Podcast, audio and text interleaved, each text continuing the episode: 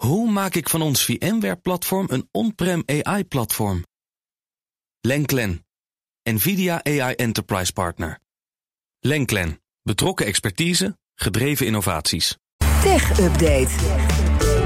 En Joe van Buurik is bij ons. Hey. Dag, Liesbeth en Martijn. Hi. Ja, we beginnen met Meta. Want die Mhm. komt met een belangrijke nieuwe feature voor Threads. De tegenhanger, of een van de tegenhangers van het oude Twitter. Ja, en zo blijven we het toch ook nog maar even noemen. Want alleen X, dat is toch voor heel veel mensen nog steeds onwennig. Maar het is wel de space, om het zo te zeggen... waar Facebook-moederbedrijf Meta druk bezig is met threads. En ze moeten wel, want ja, we vertelden al heel doodleuk een tijdje geleden... dat ze binnen vijf dagen 10 miljoen gebruikers hadden bereikt. Ja. Maar volgens de cijfers zijn daar nog maar zo'n 10 miljoen mensen dagelijks van actief. Dus dat houdt niet heel erg over. En dus tijd voor Meta om met iets nieuws te komen. Namelijk de webversie van Threads. Die zou mogelijk deze week al worden uitgerold.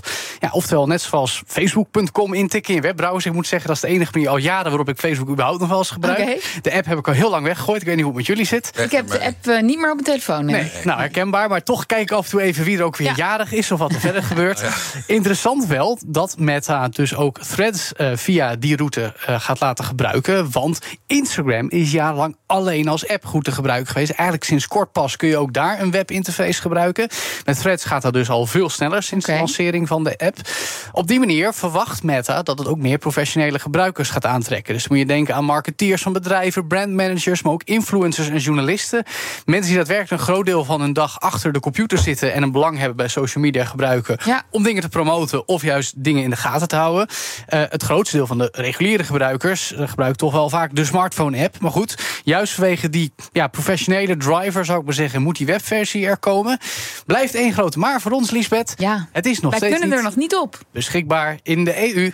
En de vraag is ook of dat überhaupt gaat gebeuren deze maand. Er werd wel wat gespeculeerd door sommige mensen dat het ergens deze week zou komen. Ik vraag me af, ook omdat eind deze maand een nieuwe mijlpaal is voor onze nieuwe strenge techwet, de Digital Services Act. En eigenlijk alle techreuzen zijn nu heel erg hun best aan het doen om binnen de lijntjes te kleuren. Juist ook met nieuwe initiatieven zoals Threads. En dan gaan ze niet opeens eventjes iets nieuws uitrollen wat weer eh, onder het vergrootglas van de EU komt te liggen. Ik kan me dat voorstellen. Moeten we het toch nog even over de concurrentie hebben? Dat platform X dus. Hm. Want daar doen berichten van tien jaar geleden het niet meer zo goed. Ja, het is toch jammer. Eh, ik weet niet hoeveel mensen dit zelf merken. Ook bij jullie zoek je wel eens tweets van voor 2014 van jezelf nee. terug? nee. Nee? Nee. Nee. Nee, ik heb Alleen van anderen. Van anderen. Oh, is dat een leuke hobby? eh, voor Nee, nee, nee, soms moet dat. Kijk, als straks Ah, ja. de kandidatenlijst van Omzicht eh, bekend wordt... dan gaan we natuurlijk Nee, kijken wat er iedereen heeft allemaal een screen. Ja, precies. Wat heeft hij getwitterd in 2011? Nou, ik moet 2007. zeggen, Oh, nee. ik zie soms wel eens een oude tweet van mezelf... en dan schrik ik er een beetje van. Het zijn niet heel incorrecte dingen... maar eerder de stijl en de manier van presenteren. Anyway, in zulke oude ehm, posts, toen we ze nog gewoon tweets noemden... Ja.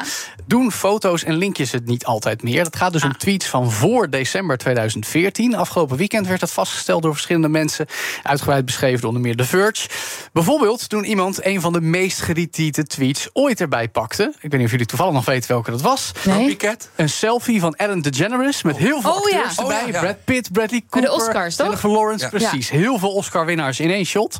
Nou, die foto en de tweet, eh, en vooral dus de foto bij die tweet... die doen het inmiddels weer. Maar een heleboel andere, bijvoorbeeld ook een foto van Obama... die na de presidentsherfverkiezing zijn vrouw knuffelt... was tijdlang niet te zien. Het lijkt mede te komen als het gaat om in ieder geval de linkjes... eh, door de oude verkorter van Twitter, t.co. Dus als je dan een linkje deelde, werd die korter gemaakt. En in 2016 was er een update eh, voor Twitter... waardoor previews van links, dus de webpagina waar die naar verwees... niet meer meetelden met het aantal tekens. Dat was toen nog 140. Nou, we wilden zoveel mogelijk tekens kunnen gebruiken voor onze tweets. Dus dat was het toen. Nou, eh, in elk geval interessant dat er weer eens iets stuk lijkt bij X. Moet ook zeggen, dat is vaker gebeurd... sinds Elon Musk het ook heeft overgenomen afgelopen najaar. Maar ook daarvoor ging er bij Twitter wel eens iets mis. Toch een spraakmakende zaak.